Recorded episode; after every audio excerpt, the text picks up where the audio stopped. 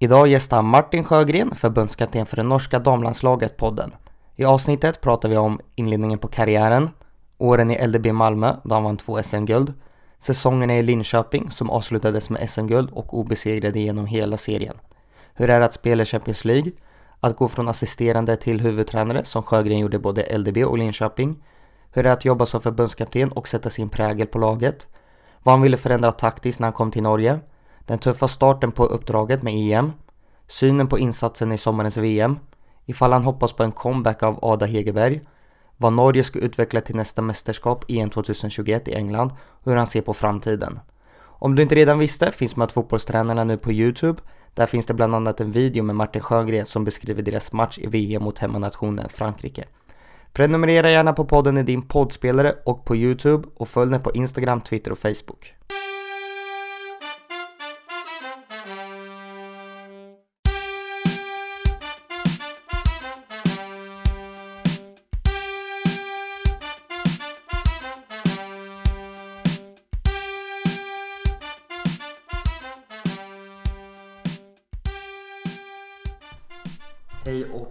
Välkommen till Möt fotbollstränarna Martin Sjögren. Tusen tack. Hur är läget idag? Jo men det är bra. Du har ju kommit hem nu från VM för ett tag sedan. Hur känns det så här efter?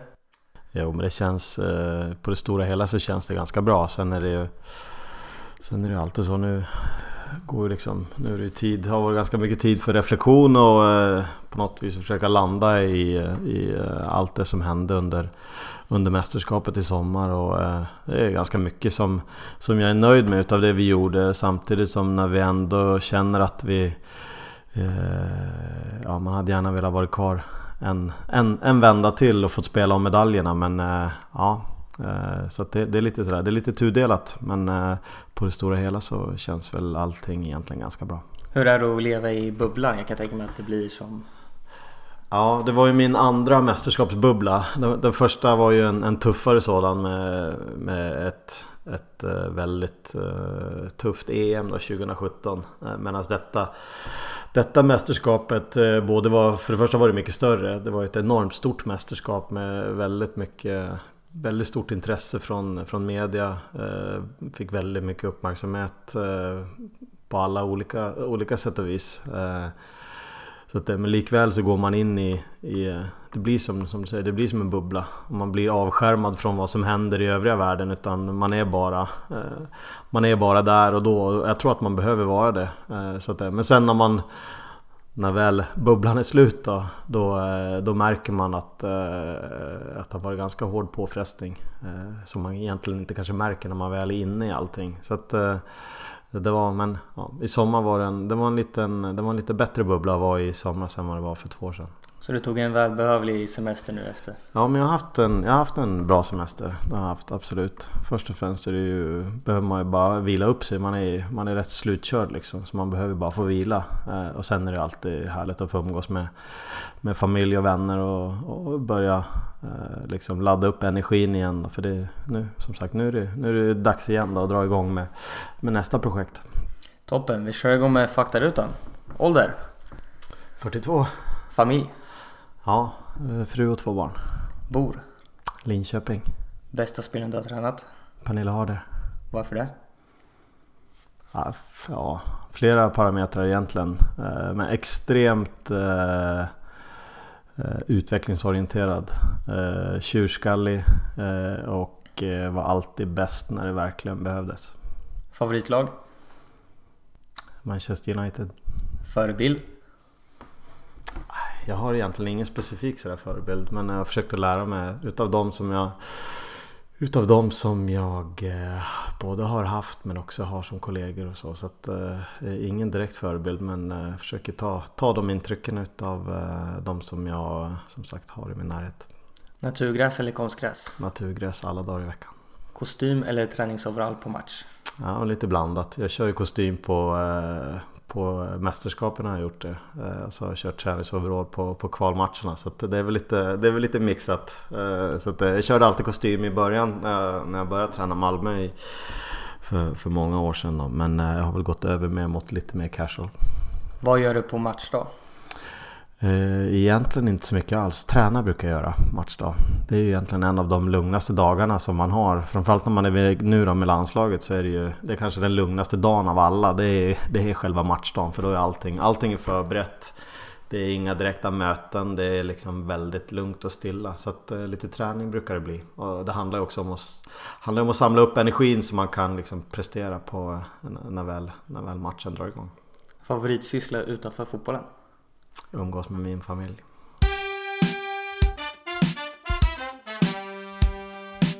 Hur såg din eh, spelarkarriär ut? Ja, den var väl egentligen inget, inget speciellt så. Eh, jag började spela precis som alla andra när man var, när man var liten, man var fem eller sex. Eh, extremt intresserad av fotboll, alltid varit.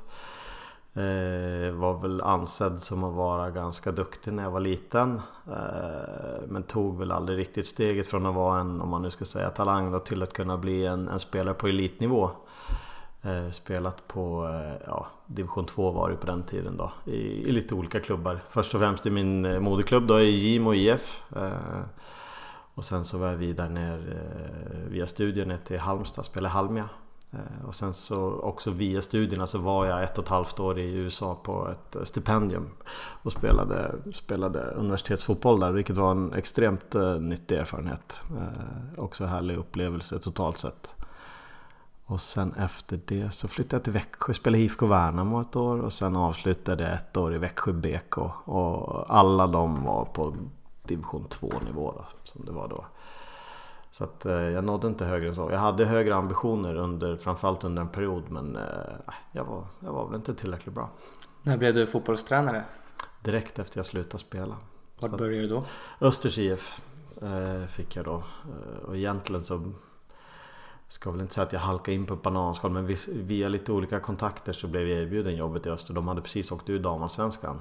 Eh, och för min del, jag hade ingen, jag hade ingen eh, formell tränarutbildning då utan däremot så hade jag gått idrottsvetenskapliga eh, program på universitet och sånt så jag hade väl en del ledar, en ledarutbildning i alla fall. Men, så att så jag fick förfrågan eh, i alla fall om jag ville ta över så fort jag hade slutat spela och ja, tackade jag. Kändes det naturligt att satsa på en tränarkarriär? Var det något du hade tänkt på när du spelade själv? Ja men det var det absolut. Det har väl egentligen alltid legat ganska eh, Alltså varit ett, ett stort intresse, legat varmt åt hjärta både med om man tänker med ledarskap, eh, psykologi eh, men också taktiskt. Eh, ja, alltså haft ett taktiskt intresse och fotboll. Det är ju så, fotboll har varit eh, mitt största intresse egentligen hela mitt liv. Så det är klart att någonstans där så, så, eh, så har det väl slagit mig att jag, att jag gärna hade, ville bli fotbollstränare och det var väl ganska tidigt. Eh, så att det, så när jag fick möjligheten och, ändå starta på relativt hög nivå så, så det var ingenting jag kunde tacka nej till. Hur var dina två första år då som huvudtränare i Öster? Det det var extremt spännande. Det var ju så. Det är ju en så väldigt stor skillnad från att spela. Om man har liksom en, när man spelar så man har en uppfattning om hur man tror att det är och man, man tror att man kan ganska mycket. Eh, så att, eh, men alltså vara tränare det är, en, det är en helt annan sak. Det är så extremt eh, extremt eh, annorlunda från att, från att spela fotboll. Så att, eh, eh, jag kommer ihåg att jag var Allan är extremt mycket jobb bara på sådana här saker som numera går lite, lite per automatik med planering, eh, förberedelse inför träningar, eh, vad ska vi göra, hur ska övningar se ut? Man är väldigt upptagen av övningar. Eh, vilket man kanske inte är riktigt på samma sätt nu längre.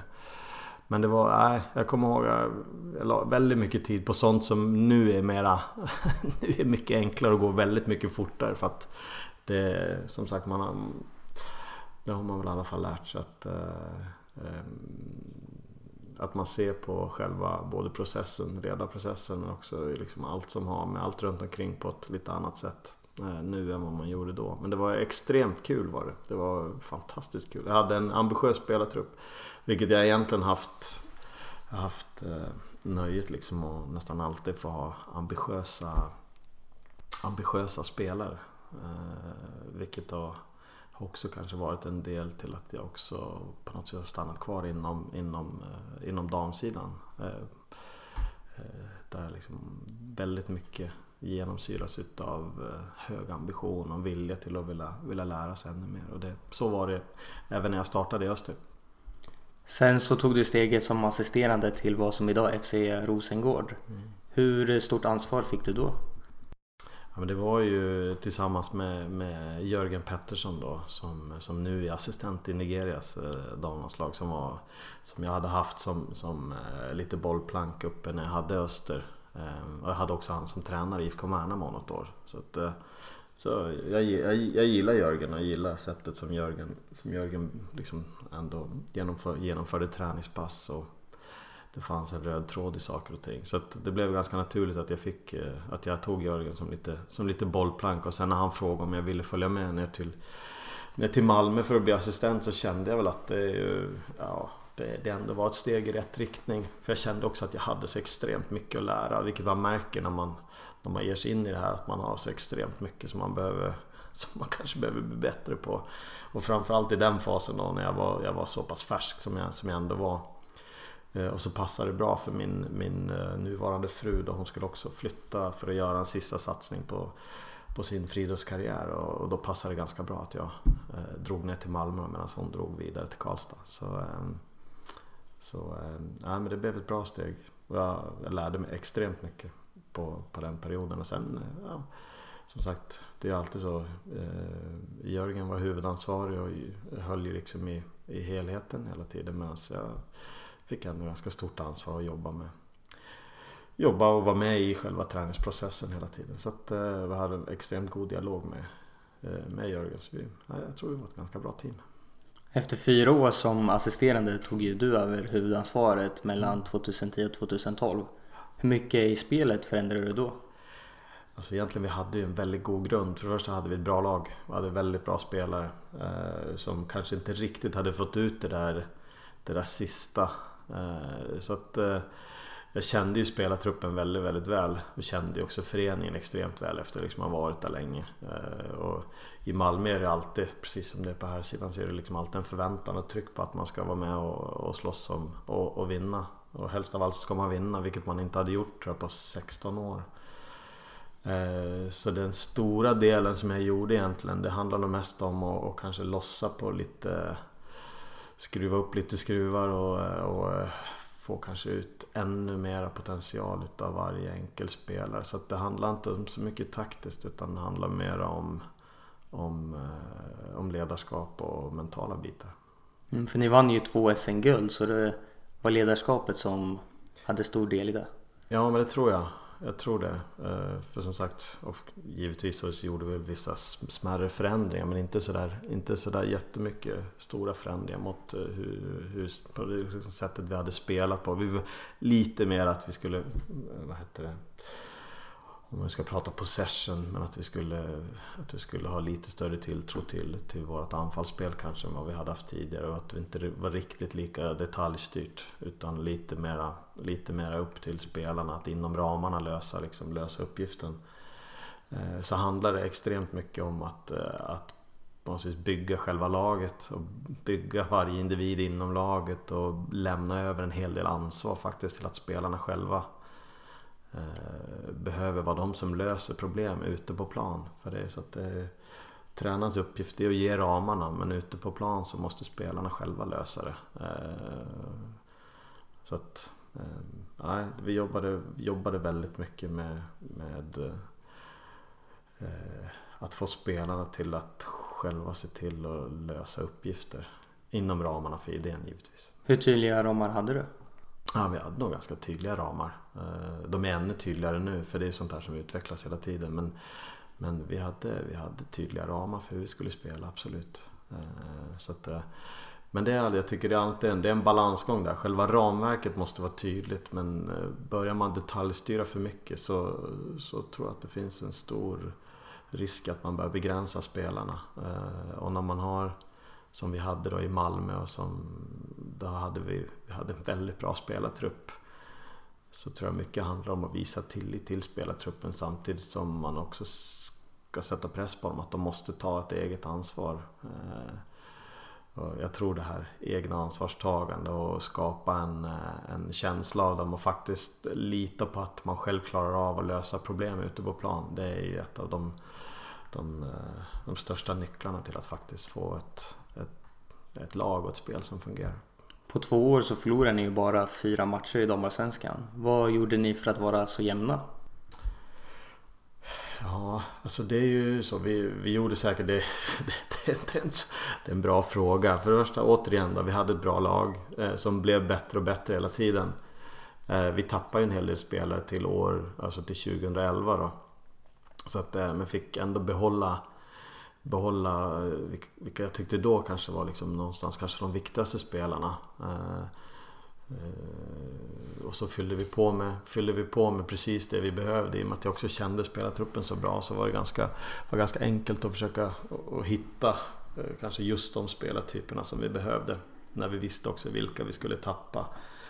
Ehm, och sen alltså någonstans så det kändes som att vi byggde någonstans en kultur på hur det är att vinna. Och där, jag tycker det är svårt att sätta fingret på. Det där med, man pratar liksom om vinnarkultur och det sitter i väggarna och sånt där. Det kan ju vara både, det kan ju vara både bra och positivt. Men där var det så att vi reflekterade aldrig över att vi skulle förlora. Eh, utan vi... Efter att ha gått igenom ett år som vi gjorde då, 2010. Där vi faktiskt började året lite, lite sådär om vi ska vara helt ärliga. Men så har vi lite marginal med och så avgör någon match på, på övertid. Någon match där vi kanske egentligen eh, lika gärna hade kunnat förlorat i början på året. Och sen så liksom, någonstans där så börjar den här känslan av att, eh, att ja, men, alltså, det här vinner vi. Vi vinner våra matcher. Det finns liksom inget annat. Så börjar den, den snöbollen liksom bara rulla och bli större och större och större. Och, och det slutade med att vi vann, vi vann ju serien när det var, jag vet inte om det var fyra, fem omgångar kvar kanske som vi hade säkrat seriesegern. Och sen rullade det där bara på och det var samma sak år, år två. Det var liksom en självklarhet att vi, skulle, att vi bara skulle vinna. Eh, och det, det fortsatte vi att göra. Ni spelade ju även i Champions League. Hur var det att kombinera med ja, damallsvenskan? Det är alltid en utmaning det där. Eh, att spela Champions League samtidigt som, eh, liksom som damallsvenskan går i och med att för det första så är vi lite osynk. Vi är inte synkade riktigt på eh, med att eh, när man går in i kvartsfinalspelet, ja men då är vi precis i vår linda liksom när vi med, med så tidigt på säsongen och sen är det ju fortfarande så att det, det sliter ju på att spela Champions League. Även om vi hade en, vi hade en väldigt bra trupp i, i Malmö så sliter det ändå på. Eh, för så många spelare och så mycket rotation kan man inte, liksom, man har inte råd att göra det. Det finns ingen som riktigt har den truppen heller på, på damsidan. Det är ju... Ja, det ska vara de stora lagen nu då ute i Europa men när vi, när vi var i Malmö så vi hade ju ingen möjlighet att rotera på, liksom på, på startande spelare. Ja, det var väl på enstaka positioner kanske men inte kanske idag som man, som man ser att de, de lagen i de stora ligorna gör. Att man behöver klara av att ha en trupp som är betydligt bredare. Eh, så att eh, Ja, samtidigt som Champions League är ju, det är ju Utav allt som är på, på, liksom på klubbsidan nu så är ju Champions League är ju det som är det mest intressanta. Det är klart att de inhemska ligorna är, det är viktigt för det blir en del också, alltså tävlingar är viktigt och det är viktigt att göra bra ifrån sig men just att få, att få spela ute i Europa det, det, det ger liksom någonting extra. Och på damsidan är det inte så fancy fortfarande. Det är ju liksom ganska små arenor och man kommer till eh, italienska landsbygden och det, planerna är sådär och elljuset eh, täcker inte hela planen. Så det är liksom, det är fortfarande så är det ju så har vi det på så vis ganska bra ställt i Sverige eh, med allting runt omkring och det är organiserat. Vilket vi märkte att det var det ju inte ute i Europa. Det var, eh, så var det inte. Men samtidigt så är det fortfarande det är de här, de här Europamatcherna som det, ja, det är extremt kul att få vara med och spela. Nästa uppdrag på klubblagsnivå var ju som assisterande i Linköping i augusti 2012. Ja, Hur precis. var den hösten? Ja men den hösten, det var ju så att jag, jag tog ju ett halvår lite, lite off där jag jobbade åt, jobbade lite åt Svenska fotbollsförbundet. Var med i, i några av deras landslag. Jag var med i Flickor 19 och då hörde Anders Mäki av sig från Linköping och frågade om jag var intresserad och, och, och och hjälpa till. Så att, för de hade haft det lite körigt på, på tränarsidan och då bodde jag fortfarande i Malmö så då sa jag att ja, men jag, kan, jag kan liksom absolut det kan jag vara under hösten. Så att, eh, men jag, jag tänker inte ha något typ av huvudansvar för att eh, eh, då, då, måste jag bo på plats och jag har ingen ambition liksom att flytta mitt i, i sommaren här. Utan så gick jag in i och med att Christian då som, som var den tränare som blev kvar utav det befintliga tränarteamet som då fanns i Linköping var en, en god vän till mig så, så, ehm, så blev det egentligen väldigt bra att Christian var den som hade liksom huvudansvaret och så, och så hjälpte jag Christian. Eh, och vi gjorde, en, vi gjorde en väldigt bra höst har för mig. Nu har jag inte exakt koll på, på vilket record vi fick. Men, men det var samma sak där. Vi hade ett väldigt bra lag egentligen på pappret. Eh, lite skadedrabbat men eh, det var liksom ganska turbulent och Linköping är också en klubb där, eh, där man ställer krav på att man faktiskt ska vinna. Eh, vilket man inte hade gjort. Låg väl någonstans i mitten på tabellen tror jag. Eh, så där handlar det också om att gå in och försöka göra styra upp någon typ av struktur samtidigt som eh, det var väldigt mycket också ledarskap eh, i, i Linköping. För de hade haft, som sagt, de hade haft det lite körigt både på ledarsidan och i spelartruppen. Så att, ja, det blev ju, jag tror vi gjorde en ganska bra höst faktiskt. Ja, jag tror vi slutade tre i alla fall till slut. Mm, det stämmer. Du tog ju steget även i Linköping från assisterande till huvudtränare. Hur är det att gå de rollerna emellan? Alltså egentligen eh, det var annorlunda nere i Malmö för då, då blev det liksom, då var det en annan, ett annat, eh, på ett annat sätt. Eh, nu när jag, när jag vad heter det, gick från eh, assistent till eh, huvudansvarig i Linköping så blev det bara helt naturligt. För det var också så jag var ganska tydlig mot både mot med, alltså Anders Mäki och mot Christian också att jag, jag är bara intresserad av att vara huvudtränare och är inte intresserad av att ha delat ledarskap. Den, liksom när den nya säsongen drog igång. Och då blev det så att Christian sökte sig tillbaka till Göteborg vilket passade honom egentligen ganska bra. Då. Och, så, och så satte jag igång med egentligen då ett nytt projekt i, i Linköping. Eh, så det blev egentligen, 2013 blev det helt naturligt eh, att ta själva steget från eh, att jag, att jag liksom tog över. Så att, var på helt, på, helt skilda, på helt skilda sätt. Men jag tror egentligen inte att det är något större problem. Det handlar nog... För det första så blir det så att du får en inblick i hur både klubben är uppbyggd men också hur spelartruppen är och hur spelartruppen fungerar. I Malmö så var det ju, där var det en spelartrupp som egentligen fungerade ganska bra medan i Linköping så var ju spelartruppen dysfunktionell mer eller mindre. Så där behövdes det ju verkligen göras, där behövde vi göra oss av med spelare och och ta in nytt för att helt enkelt starta om projektet eh, med Linköping. Så att man får ju tid på sig till att lära känna både klubb och spelartrupp vilket är positivt. Fyra år var du ju ansvarig och SM-guldet dröjde ju till det sista även om ni vann två cupguld på vägen mm. dit. Men vad gjorde att ni inte nådde hela vägen riktigt i damallsvenskan? Eh, egentligen var det flera anledningar. Det ena var ju att vi eh, när vi startade igång så, så eh, då hade man haft en ganska etablerad lite äldre spelartrupp med, som kostade ganska mycket. Vi fick en lite mer ansträngd ekonomi 2013 och då började vi liksom göra ett omtag.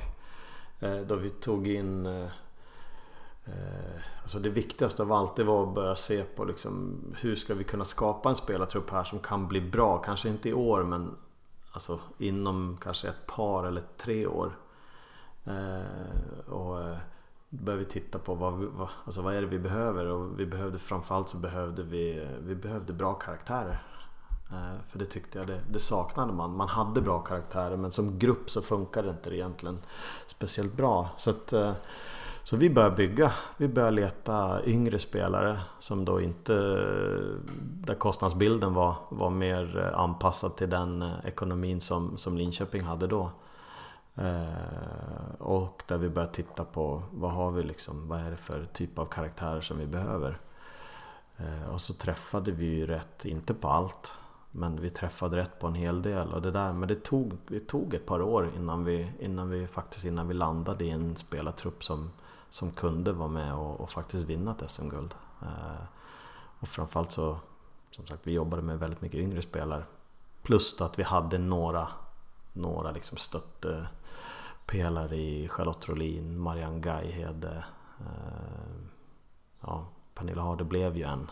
Eh, så att, eh, men det var ju Pernille, vi hade Magdalena Eriksson, Jonna Andersson, Jessica Samuelsson. Alla de här var ju ganska, de var ganska tidiga i sin karriär. Eh, och vi, som sagt, vi jobbade ju, jobbade ju med dessa under flera år för att på något vis 2016 någonstans kulminera i och Stina Blackstenius var också ett sånt exempel. Eh, någonstans 2016 så nådde vi väl eh, toppen då. Ni gick ju obesegrade den säsongen. Hur stort mm. var det? Ja, det var ju jättestort. Så att, eh, men det är sånt där man... Det är ju väldigt häftigt just där och då. Vi var, vi var väldigt bra 2016. Eh, det, det, vi hade liksom ett... Vi hade ett mer eller mindre komplett lag skulle jag säga. Eh, så att det, men det är väl en stor bedrift att gå igenom en serie eh, obesegrad. Men ja, jag är inte sådär så, jag är inte så nostalgisk och så av mig så att liksom om man tittar tillbaks på det så ja det, det, var, det var kul att vara med om det men det, ja. I Champions League så nådde ni ju kvartsfinal precis som det gjort tidigare. Vad har gjort att man liksom inte har tagit det sista steget och nått semifinal? Ja, eh, alltså den kvartsfinalplatsen det är en av de största besvikelserna faktiskt eh, totalt sett i min, i, i min tränarkarriär utav de matcherna som jag var liksom som jag känt störst besvikelse efter så var det när vi, när vi förlorade den, eh, eh, den, eller de matcherna mot, mot Bröndby. Eh, så därför där, där tyckte jag att vi, vi hade en väldigt, väldigt bra möjlighet att ta oss vidare till, till en semifinal. Och är, liksom, är man i en semifinal så, så har man ändå nått så kvartsfinal är ju också bra och, och det blir ju för svenska lag så är ju kvartsfinal nu framförallt så är det ju ännu bättre än vad det var då när vi med tanke på den konkurrensen börjar bli. Men, eh, men, men det var tufft. Eh, det som också var, det som alltid kommer att vara lite grann en problematik eh, för svenska lag som går till kvartsfinal det är ju att man hamnar i och ska spela sån extremt viktiga tävlingsmatcher i en fas när man egentligen inte är inne i någon typ av tävlingssäsong. Eh, det som är positivt nu då, det är att man har ändrat och börjat spela Svenska Cupen mycket tidigare för då får man spela tävlingsmatcher eh, redan i februari. Men det hade man inte gjort då. Så jag, ja, jag tror att det är en av förklaringarna i alla fall. Eh, till att, eh, att vi inte riktigt lyckades slå ett Bröndby som vi egentligen borde faktiskt ha slagit. Framförallt på två matcher. Enstaka matcher kan man förlora men över två matcher borde vi ha slagit Bröndby. Och vi var ju ett, bort, ett felaktigt bortdömt mål var vi egentligen ifrån att gå, gå vidare eh, nere i, i i Köpenhamn. Men, men samtidigt så, ja, på två matcher så vi, vi borde ha slagit Bröndby. Idag är du norsk förbundskapten. Hur kändes det när du valde att skriva på för dem?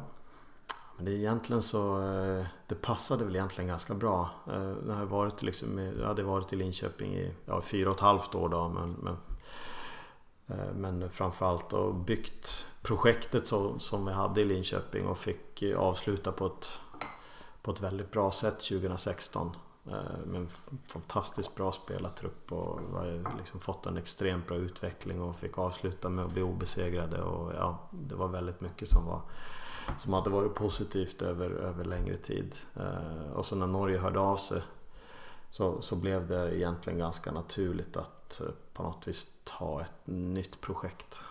Så att jag trivs jättebra i, som sagt, både i Malmö där jag var tidigare under längre tid och, och, i Linköping också. Jag trivdes väldigt bra med, med jobbet i Linköping.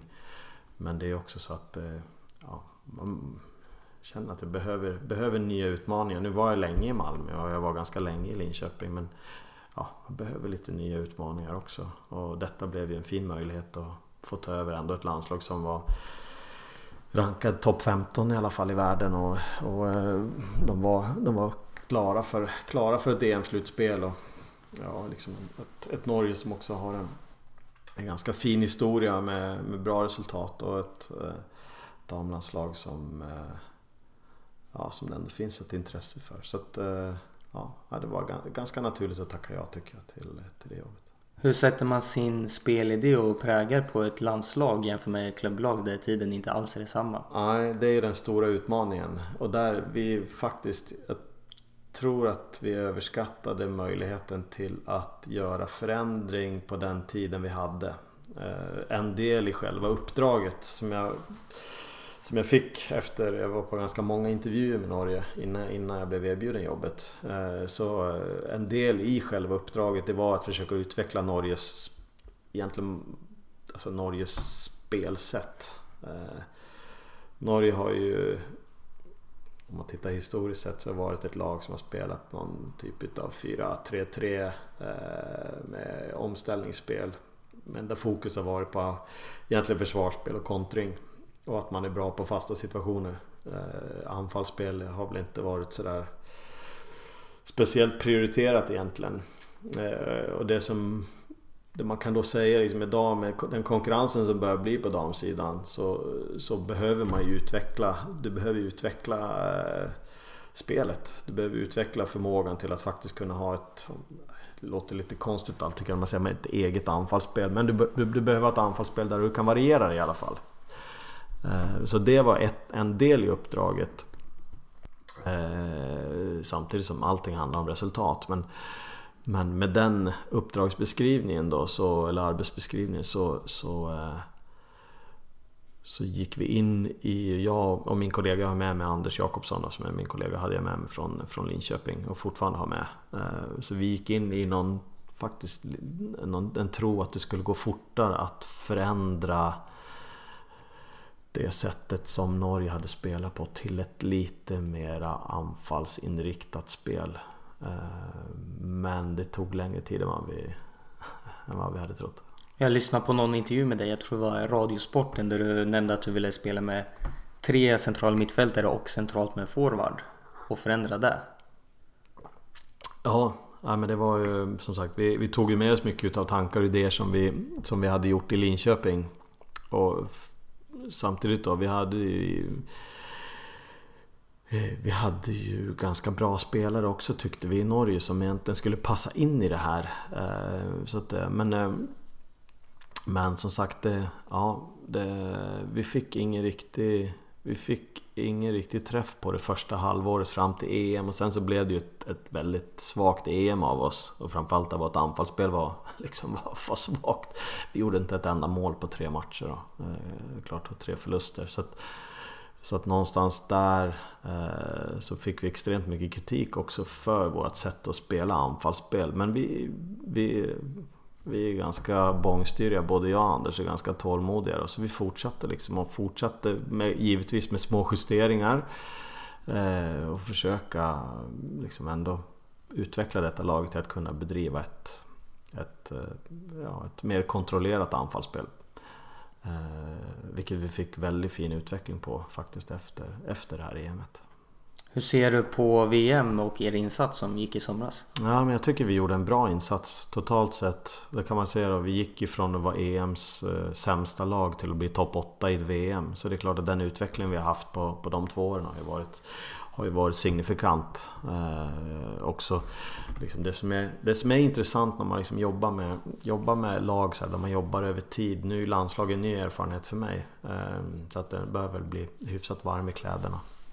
Sådär. Men det är ju att det tar tid eh, att förändra någonting. Det tar ganska lång tid och också då gå från försöka förändra en kultur, för det är det det handlar om. Eh, både Norges sätt att spela på men också den norska, om vi nu ska prata eh, mentalitet, eh, förhållningssätt till tränare, som är mycket mer hierarkisk i Norge än vad den är i, i Sverige till exempelvis. Det har tagit liksom ganska lång tid att, att förändra de här olika sakerna, eller utveckla ska jag säga, inte förändra utan utveckla. Eh, och resultatet utav det, i alla fall ett delresultat av det, det såg vi ändå tycker jag i, i somras. Där vi, jag tycker vi spelar, vi spelar en ganska bra fotboll. Eh, vi visar upp att Norge faktiskt kan vara ett, eh, ett lag som faktiskt kan styra kamp eller styra matcher med sitt, eh, med sitt sätt att spela anfallsspel på. Så det är ju den utveckling som gläder mig mest. Samtidigt som det som eh, också visar upp, vi har en extremt stark grupp. Vi har ju något sånt där mantra om att vi är starkare samman och det är ju Ja det visar vi tycker jag väldigt väldigt mycket. Vi har växt oss extremt starka utifrån att från början när vi tog över också var en ganska spretig grupp. Eh, som inte riktigt drog eh, åt samma håll. Där var det, eh, det var en ganska, jag ska inte säga svårhanterlig men vi hade våra utmaningar. Eh, Medan nu så har vi med egentligen med ganska med hårt arbete både från ledare och från, och från spelare så har vi, har vi utvecklat det här till att bli en extremt eh, eh extremt fin grupp, extremt bra enhet som också är ett av våra konkurrensfördelar. Eh, alltså fördelar, det är ju att skapa liksom en, en miljö och ett, ett team som är starkt. För vi kommer aldrig kunna ha de bästa fotbollsspelarna eh, på alla positioner i och med att vi har en begränsad, begränsat utbud av spelare i jämförelse med många av de andra nationerna. Rent praktiskt, hur jobbade ni med att få ihop gruppen? Eh, vi jobbar med värderingar framförallt. Det var så vi började. Vi ställde egentligen gruppen och oss själva två frågor. Det, var ju, det ena är ju liksom hur, vi, hur vill vi bli uppfattade och hur vill vi uppfattas som grupp? Eh, och sen vad ska vi göra för att, för att uppfattas på det sättet som vi vill bli uppfattade på? Så det var egentligen de två frågorna som det började med.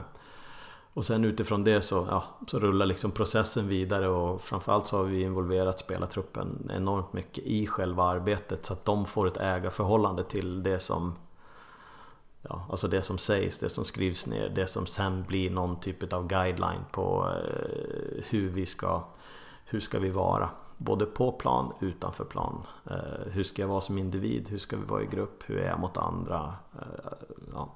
Och så där har vi landat i, ja, men i, liksom i, ett, i, i, en grupp som, som klarar av att leva upp till de eh, värdier som vi säger på norska. Då. Eh, så som vi har satt för, för gruppen.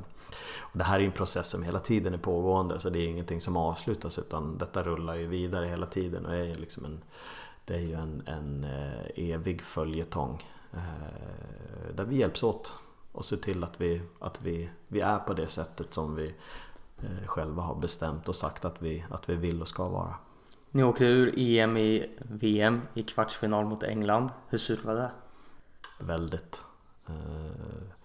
För det första var det surt för att vi, vi tyckte att vi hade en, ganska god möjlighet Eh, visste att England, England var bra. England hade gjort ett bra gruppspel. Men vi tyckte att, att det egentligen passade oss ganska bra sättet som England spelade på.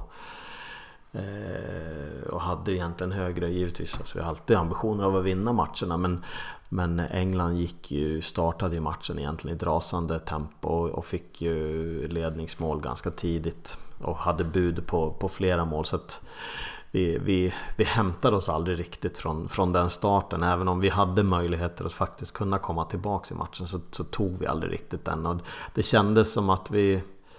Att vi eh, jag gillar inte att prata om energi och sådär. Eh, liksom, ja, men det, det kändes som att vi, att vi tog lite slut. Att vi hade, vi hade liksom inte så mycket mer att ge. Eh, jag tror att en av förklaringarna också är att vi hade ju spelat med mer eller mindre samma lag. Då. Vi har ju nu är alltså bredden i truppen håller på att bli bättre och bättre för att det är ganska många yngre spelare som, som verkligen eh, har haft en fin utveckling. Men likväl så hade vi gått runt på ganska få spelare. Ehm, vilket inte de andra lagen hade gjort. Eh, så att vi, har ju, vi hade ju ingen möjlighet att på något vis vila spelare i någon av matcherna. Vi hade ju Nigeria i premiären var extremt viktig för oss. Både med tanke på att få en bra start i, i mästerskapet, första matcherna är viktiga. Eh, men också med bakgrund av det som hände på EM då, två år tidigare. Och, alltså det, var, det var en väldigt, väldigt laddad match för oss. Eh, och sen så vann vi den fantastiskt bra start men så mötte vi Frankrike i match nummer två. Var extremt nära att ta poäng mot Frankrike. Gör egentligen en väldigt bra match mot Frankrike men eh, ja, får ju VAR-straff emot oss och förlorar med 2-1. Vilket gjorde att vi var ju inte klara för att gå vidare när vi skulle möta Sydkorea då, som är ett lag som är rankade två placeringar efter oss. Som alltså, det är ett lag som är, som är väldigt, väldigt bra. Så vi, vi fick ju spela med den, om jag ska säga då, den, den startelvan som vi hela tiden tyckte var vår bästa startelva.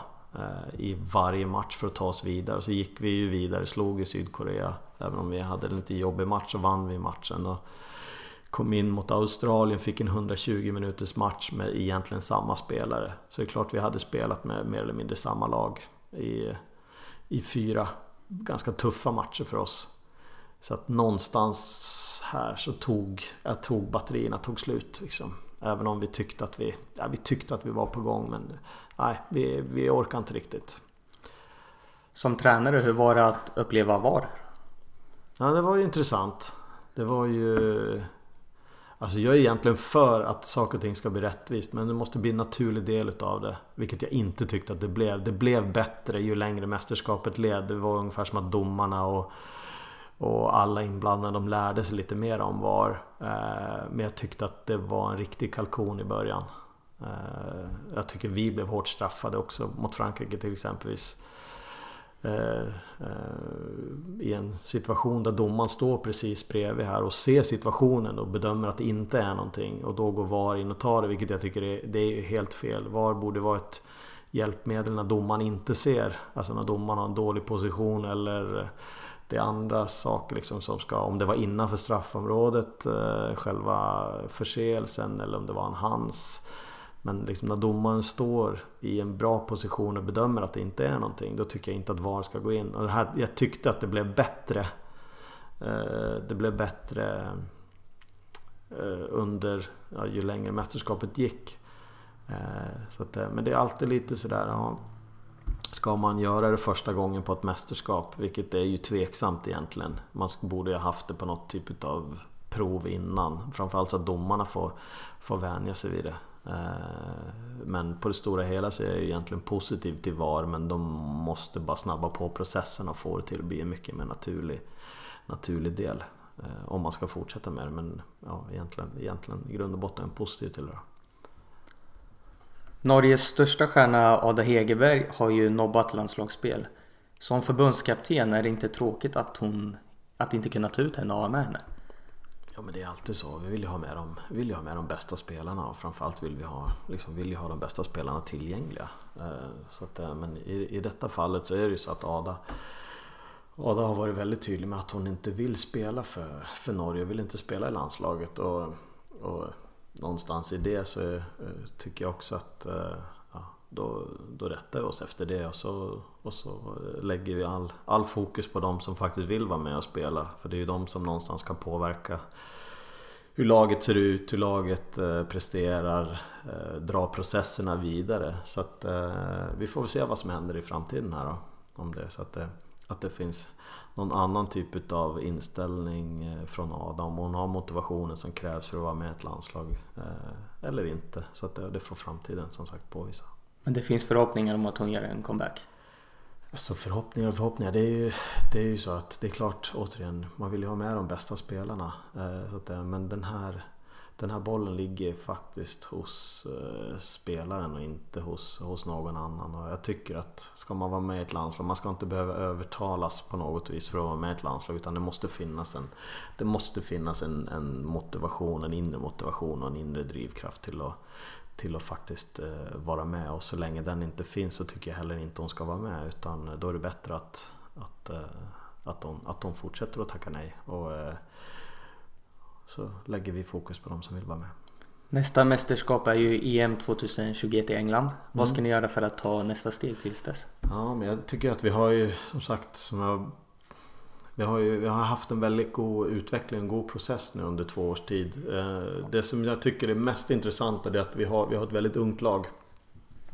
Och vi har många unga spelare som är på väg till att till att bli liksom internationellt sett väldigt bra spelare. Vi ser också en tendens nu att efter mästerskapet så är det flertalet av våra yngre spelare som faktiskt har blivit eh, tagit steget och, och gått utomlands. Vi har Ingrid Syrsta Engen som gick till Wolfsburg nu då från Lilleström som är en av våra mest centrala spelare. Våran eh, central mittfältare som är ja, liksom en extrem kapacitet både idag men kan framförallt bli en fantastiskt bra spelare. Hon är ju också bara 21 år. Eh, vi har Vilde Risa som gick till Göteborg så sent som i, i januari som också är en, som är en spelare som håller hög nivå men som framförallt liksom framtidsmässigt kan bli väldigt, väldigt bra.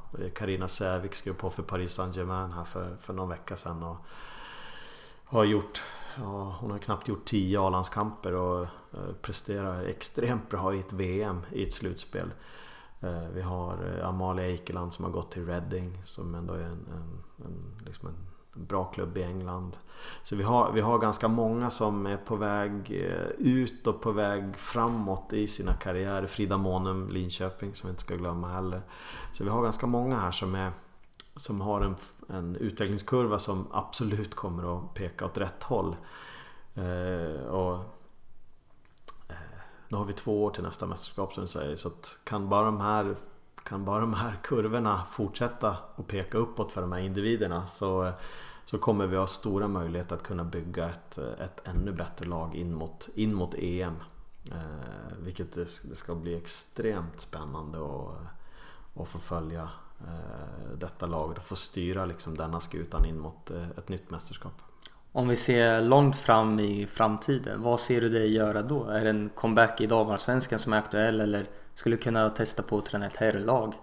Vad är du sugen på liksom framöver? Alltså jag, jag vet jag, jag, jag, jag, tänker inte så mycket på det som har hänt och jag tänker inte så mycket på det som ska hända utan försöker liksom att vara, vara här nu. Men jag, eh, jag är ju intresserad av att eh, alltså egentligen skulle jag vilja eh, iväg på något äventyr. En del alltså utomlands. En, en, eh, en av när Norge hörde av sig så gick vi i samma tankar för det, är ju liksom, det blir ett projekt för hela familjen om man ska dra iväg någonstans. Men då hade vi också tankar att vi kanske skulle eventuellt försöka hitta någonting någonstans eh, eh, utomlands. Och så blev det Norge, det blev inte så lång flytt då. Men Eh, Eh, det går väl lite grann i tankarna eh, också nu att eh, det skulle vara kul att, pröva på någonting i, i ett annat land som kanske som, som blir en lite större utmaning för, för familjen och, och för oss och för att liksom få, den, få möjligheten till den erfarenheten. Men sen är det också så att det, allting handlar ju om givetvis Går det bra, trivs man på det, med det jag gör, jag trivs enormt bra i Norge. Men går det bra får man oftast erbjudanden om saker och ting. Så att nu gjorde vi ett bra VM så just nu så kanske det ligger lite, lite dörrar öppna men eh, nu, nu har jag ju ett avtal med, med Norge som jag liksom, Intentionen är ju att fullfölja det givetvis och så, så får vi se vad som, vad som händer i framtiden. Eh, och det är samma sak där med, med herrsidan. Eh, det är klart att det är intressant men det, det är också så att det, det, ska komma något erbjudande också. Det ska komma något som också liksom är intressant och, på, på, och även på rätt nivå givetvis. Vad har du för tips till tränare? Ja du. Alltså tränarskapet är ju så, ex, alltså, det är så extremt brett idag. Eh, så det är lite grann beroende på vad man, vad man eh, Alltså vilken roll man har, vilken funktion och vilken ambition man har. Men till syvende och sist så handlar ju allting handlar om intresset. Eh, och det som jag tycker är spännande idag det är att Eh, klubbar börjar bygga mycket bredare team. Eh, och man måste klara av att jobba i team. Och eh, har man ambitioner liksom att jobba som tränare i framtiden så tror jag det är väldigt, väldigt bra att bli väldigt bra på, på någonting. Alltså bli bra på analys, bli bra på ja, anfallsspel, bli bra på försvarsspel vara duktig på teknik.